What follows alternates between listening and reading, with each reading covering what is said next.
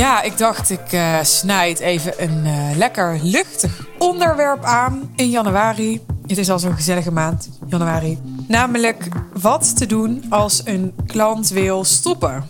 Nou, dit is een onderwerp waar ik liever geen aflevering over maak. Maar wat ik heel bewust wel doe, want het is ook wel een onderwerp wat een beetje in de taboesfeer hangt, toch?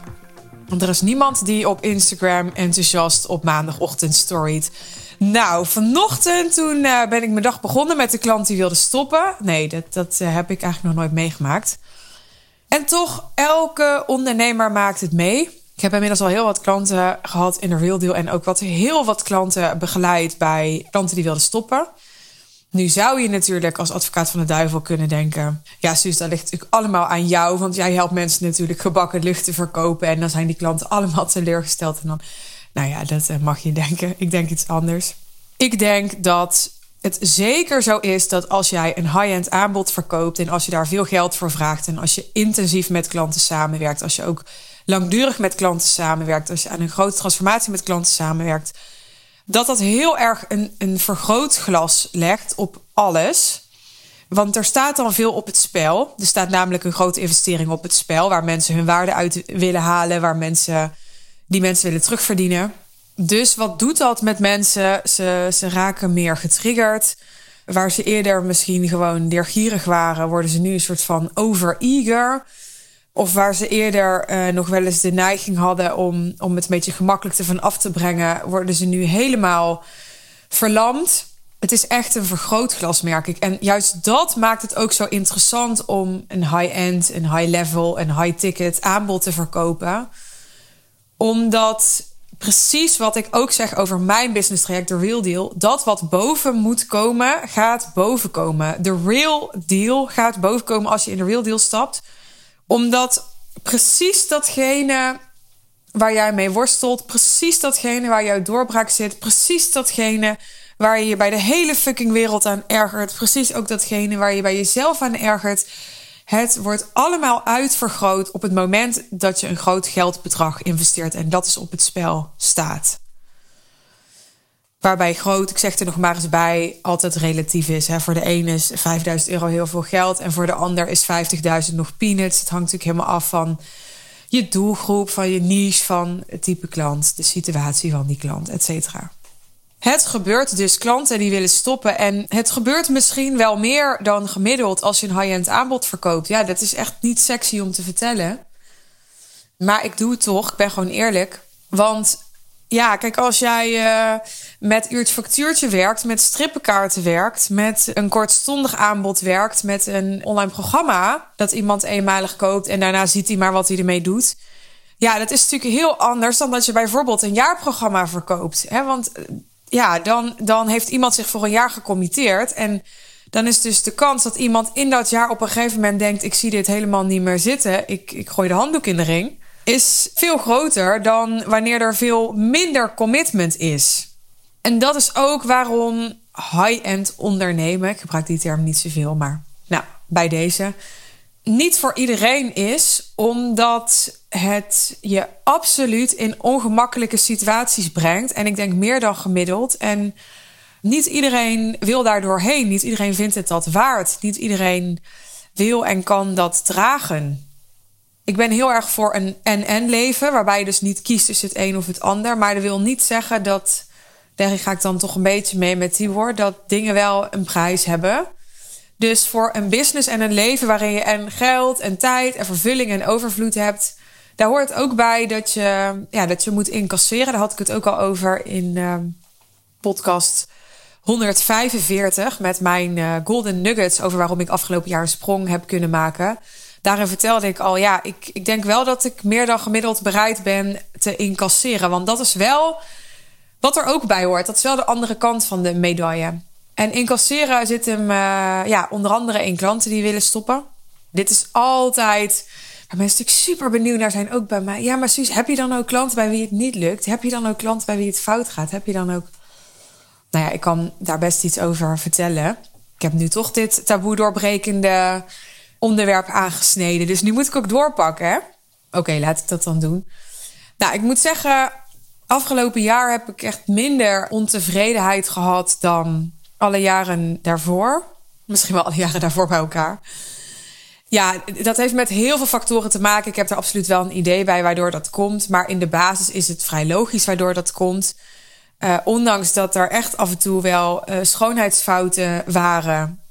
Doordat ik hard groeide. En ja, daar heb ik in andere afleveringen over verteld. Er niet altijd processen stonden. Er teamwisselingen waren. Uh, ja, daardoor gingen dingen absoluut niet altijd zoals ik wil. Volgens de norm die ik wil hanteren. En toch ben ik heel blij dat het, dat het gelukt is om, ja, als het, als het ging over waar het echt over ging, namelijk mensen heel goed helpen bij hun, hun businessstrategie en heel succesvol laten zijn met een simpel bedrijf, dat, dat daar mensen gewoon heel blij mee waren met hoe ik ze daarin heb kunnen supporten en kunnen begeleiden. Neem niet weg dat ik dus vind dat de beleving eromheen en hè, dat soms e-mails te laat werden beantwoord of niet goed werden beantwoord of dat het proces soms rommelig gingen. Ja, daar heb ik echt um, van gebaald. En um, natuurlijk heb ik er af en toe ook uh, opmerkingen over gekregen van klanten. Maar echt, de ik wil stoppen um, gevallen, die zijn echt veel en veel minder geworden. Niet dat die eerder nou zo gigantisch waren, maar en hier kom ik bij het punt dat ik wil maken. Het is een leerproces. En uh, ik, ik gun jou dat jij het jezelf gunt om dat leerproces aan te gaan. Wie nou de klant is die het allerbeste bij je past, die het beste kan helpen. En ook waarop jij die klant dan het beste kan helpen. Dat, dat is een proces.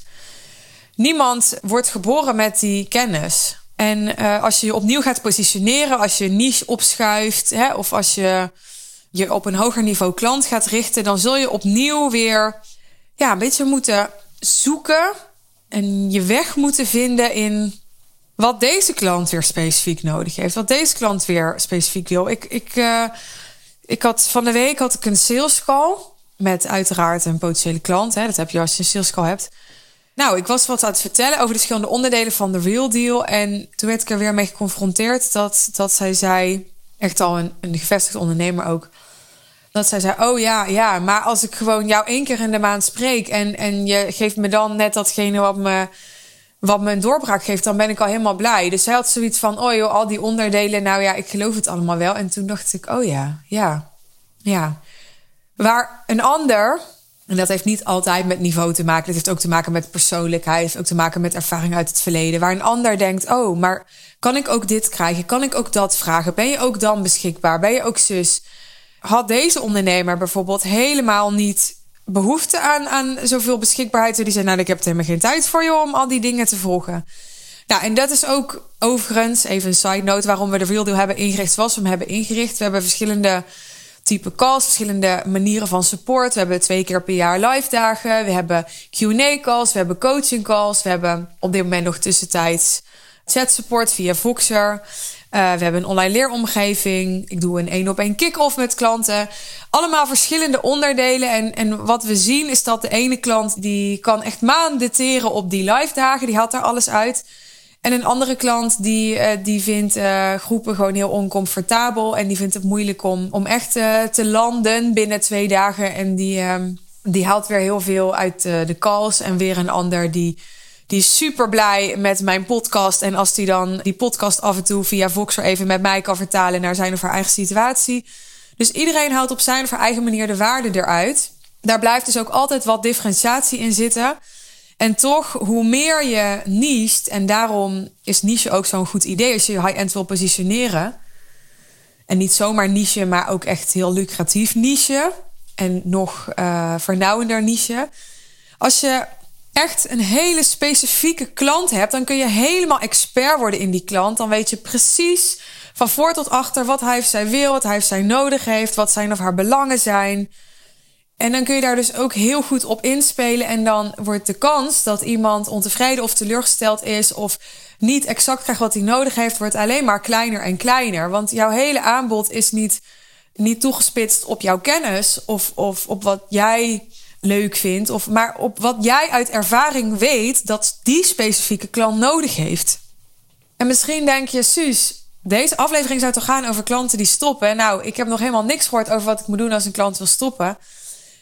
Dat snap ik, maar het is wel bewust dat ik deze kant op ga, omdat een klant die wil stoppen, de angel daarvan zit heel vaak al bij een moment voordat die klant überhaupt ja tegen je had gezegd, namelijk bij de kwalificatie. En uh, bij het verwachtingsmanagement tijdens een sales call en ook tijdens het onboardingsproces. We denken vaak dat als iemand ontevreden is, dat iemand dan op dat moment, of in ieder geval in die laatste periode, niet gekregen heeft wat hij nodig had. Of, en soms is dat zo, dat kan zo zijn.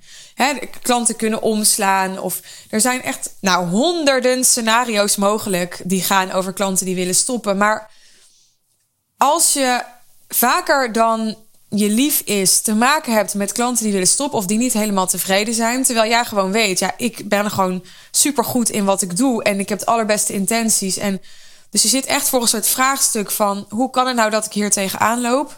Dan zit er heel vaak het antwoord hem in: heb je voldoende geniest?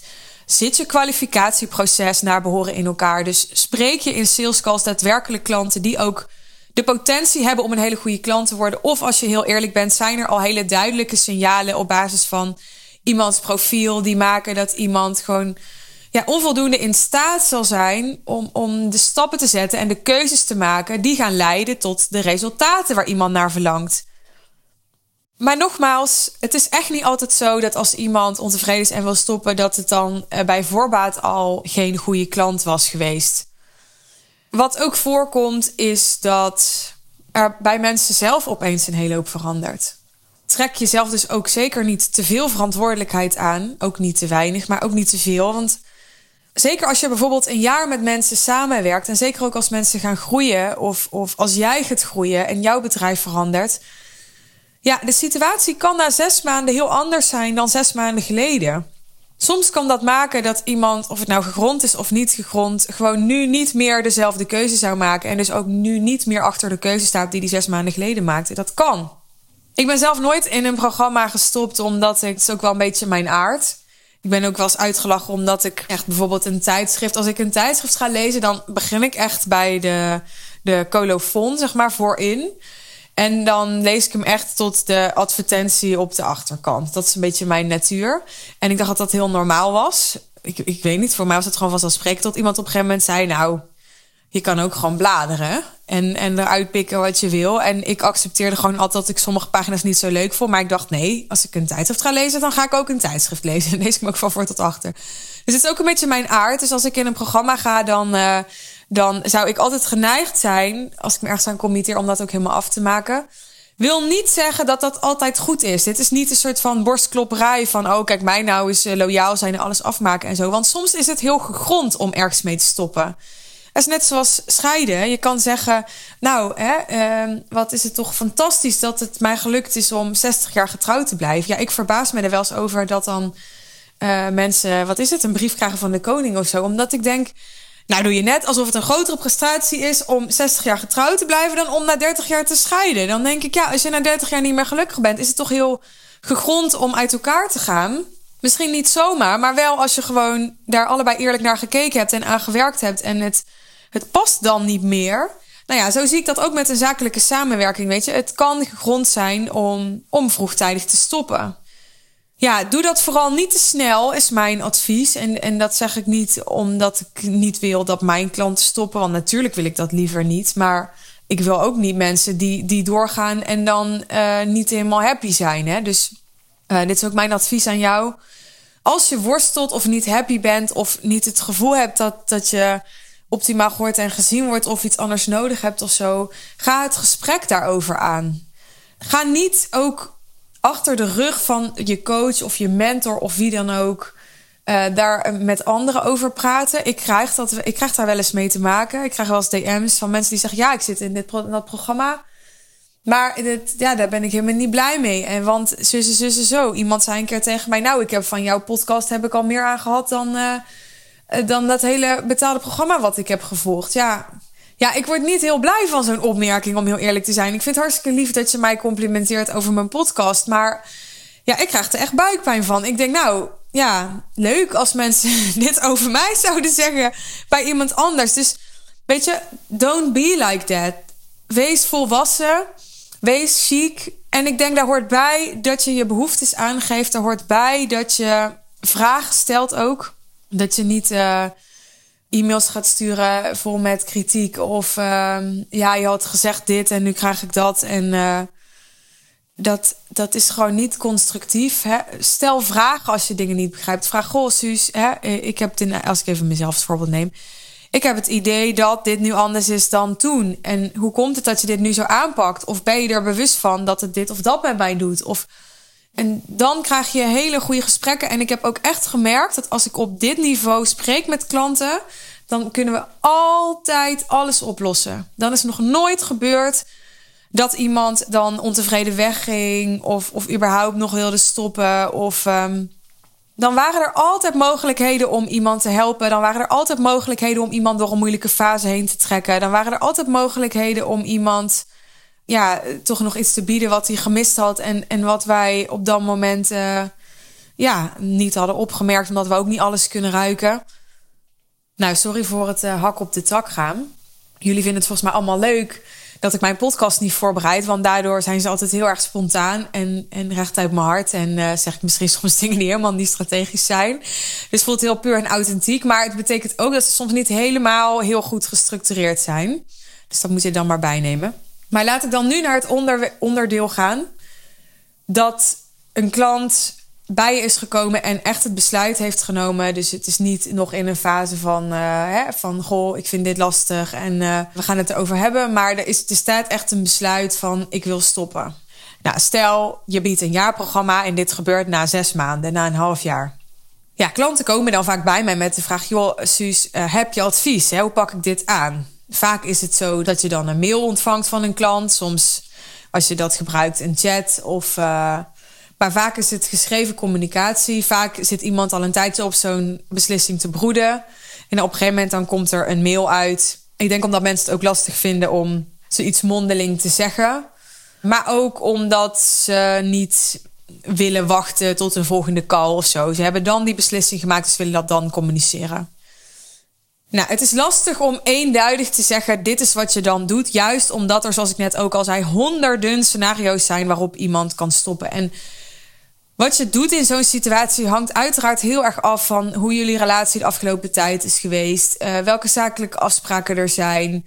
Maar ook welke niet-zakelijke afspraken er de afgelopen tijd zijn gemaakt. Hè? Dus misschien heb je uitgesproken aan hen dat je iets zou doen ja, was, had dat niks te maken met betalingen of wat dan ook. Maar bijvoorbeeld dat je elke week bij hen in zou checken. En misschien zeggen ze nu, ja, dat heeft ook niet geholpen. Die wekelijkse check-ins. Dus nu weet ik het niet meer. Dus nu, um, ja, nu ben ik tot het besluit gekomen dat ik um, uit het uh, programma stap. Of op een andere manier uit het aanbod.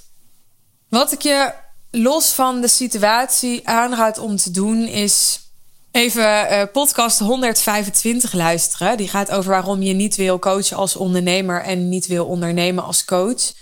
Want hierin geef ik ook het voorbeeld van een klant die wil stoppen en dat het belangrijk is in zo'n situatie dat je onderscheid maakt tussen de coach-coachie relatie en hoe je die afrondt. En de relatie die je hebt bijvoorbeeld van ondernemer tot ondernemer als je je op uh, ondernemers richt. Maar het kan ook van ondernemer tot consument zijn. Of um, het maakt eigenlijk niet uit. Als het goed is, heb je een, een overeenkomst, heb je hele heldere afspraken op papier en is er gewoon een soort zakelijke transactie daarmee tussen jullie. En overleg daarover en, of, en afronding daarvan is iets anders dan hoe je uit elkaar gaat als, als coach en coachie of als mentor en leerling of nou ja, veel in de blanks. Dus wat ik zou doen is een telefoongesprek of Zoom-call, iets wat daarop lijkt, op korte termijn arrangeren. En met korte termijn bedoel ik echt korte termijn. Dus laat er liefst niet een week overheen gaan. Probeer dat echt binnen 1, 2, 3 dagen te doen. Ja, soms als iemand zo'n beslissing heeft genomen, dan uh, heeft hij niet zoveel zin meer om daar prioriteit aan te geven. Nou, dat is dan aan die ander. Dat heb je dan los te laten. Maar ik zou in ieder geval mijn beste voor doen om binnen enkele dagen zo iemand te spreken. Afhankelijk van hoeveel gesprekken er al aan vooraf zijn gegaan en wat jullie al eerder hebben besproken, zou ik dan iemand zoveel mogelijk zien en horen. Zorgen dat je luistert. Zorgen dat iemand ja, kan zeggen wat hij kwijt moet. Uh, ik denk dat dat belangrijk is voor die ander om niet bij dingen te blijven zitten die gaan etteren. En dat is ook weer in jouw belang als ondernemer. Want als je het toch gewoon netjes kunt afronden met elkaar, maakt dat alle verschil voor hoe iemand vervolgens over je praat en hoe iemand terugkijkt op de hele ervaring. Als een klant het goed kan afronden met jou, dan zal die misschien alsnog gewoon heel dankbaar zijn voor die zes maanden die jullie wel hebben gehad en er verder helemaal oké mee zijn dat het daar stopt. En dat is natuurlijk het liefst wat je wil. Gewoon voor je eigen gemoedsrust. Gewoon omdat dat het juiste is om te doen als mens. Hè? Omdat je uh, er blij van wordt om, uh, om uh, relaties zo goed mogelijk in stand te houden of netjes af te ronden. Dat helpt je voor de toekomst om verder te gaan, om nieuwe relaties aan te gaan. Maar dus ook gewoon uit strategisch oogpunt, omdat het je helpt bij je reputatie. Wil niet zeggen dat je reputatieschade altijd kunt voorkomen en dat je dus moet vermijden om dingen te zeggen of te doen, omdat het je reputatieschade zou kunnen opleveren. Dat is iets waar ik altijd echt ja, helemaal vierkant achter ben gaan staan. Laat jezelf niet manipuleren. Hè? Dat is wat mensen nog wel eens geneigd kunnen zijn te doen als ze iets van wrok koesteren of op, op een bepaalde manier ontevreden zijn dat ze zeggen: ja, maar ja, als jij nou uh, uh, mij aan de betalingsverplichting gaat houden, dan uh, kan ik niet goed meer over jou praten. Ja, dat is dan aan die ander. Hoe die ander over jou praat, is aan die ander. Je moet maar zo zien: jij kunt doen wat binnen jouw macht ligt. Maar het is niet zo dat je moet denken dat een ander slecht over jou praat omdat jij hem aan de afspraak houdt. Dat is gewoon manipulatie. Dus natuurlijk wil je dat die ander goed over jou praat en wil je doen wat, wat daarin voor jou juist is en wat zuiver is. Maar ja, hoe die ander vervolgens zich voelt bij jou en daarover communiceert naar anderen toe, dat ligt bij die ander. En dat moet je niet in eigen hand willen houden, dat moet je niet willen controleren, want dat kun je niet. Nou, je voert dus dat gesprek. Dat gesprek over de inhoud van jullie samenwerking, maar vooral ook wat iemand misschien gewoon als mens gemist heeft, waarin die zich niet gehoord of gezien voelde. Wees er voorzichtig mee om al te veel te gaan analyseren waar nou wat door gekomen is, waar het nou exact is misgegaan, wat er nou anders had gemoeten. Tot op zekere hoogte is het fijn om het daarover te hebben met elkaar, maar ga niet te veel in detail, ga er ook niet te lang mee door. Waarom? Omdat het houdt je in het verleden een verleden waar je niet zoveel meer aan kan veranderen. Hoe meer je gaat voeden wat er allemaal niet goed is gegaan, of waarom het allemaal niet matchte, of hoe meer je dat ook aan gaat trekken in je veld. Ja, ik geloof er echt in, alles wat je aandacht geeft groeit. Dus ja, praat dingen uit, creëer helderheid met elkaar, maar ga niet het, het drama en dat wat je niet wil lopen voeden.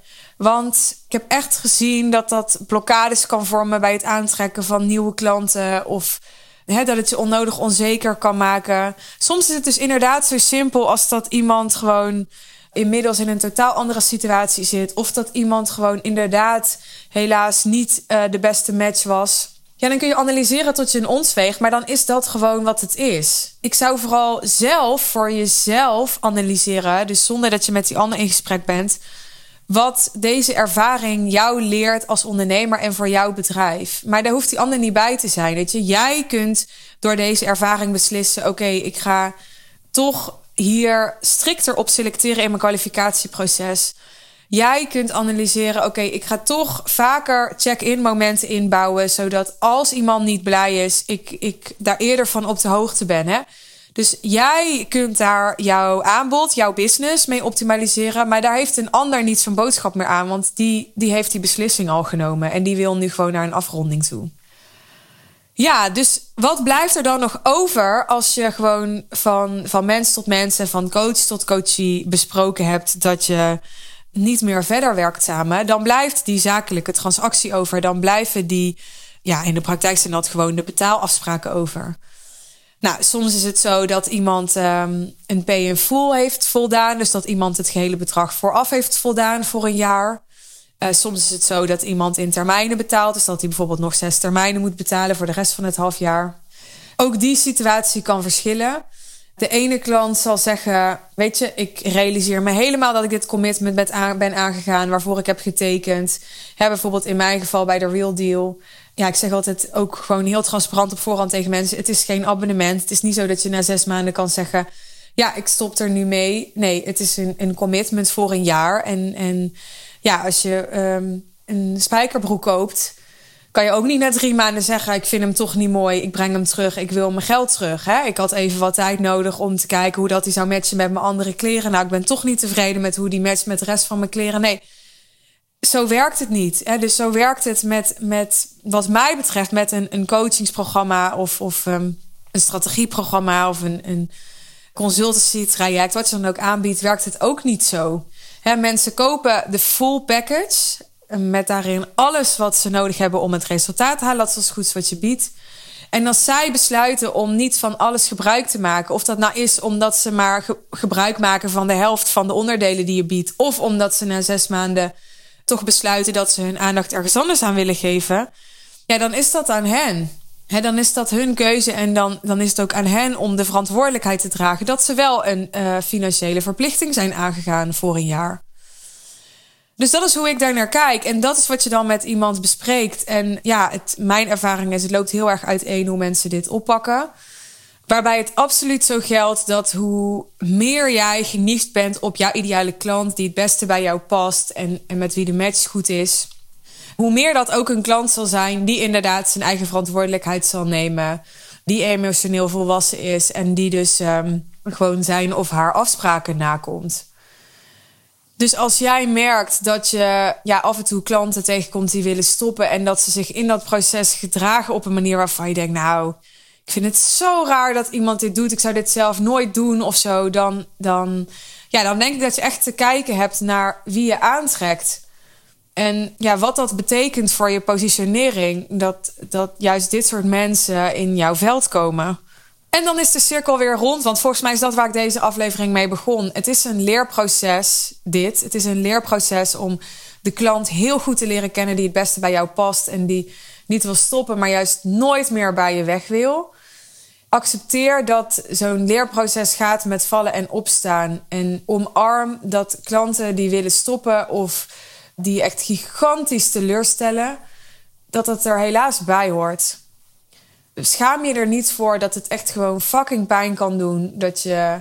Stel, je werkt inderdaad een jaar met iemand samen. Of je denkt met iemand een jaar samen te gaan werken. En je doet een half jaar, doet je, doe je ja, in ieder geval in jouw perceptie je stinkende best voor iemand. En je hebt meerdere gesprekken gehad met iemand om, hè, om hem te zien, om hem te horen, om hem nog beter te helpen, om te luisteren naar de behoeftes die hij heeft.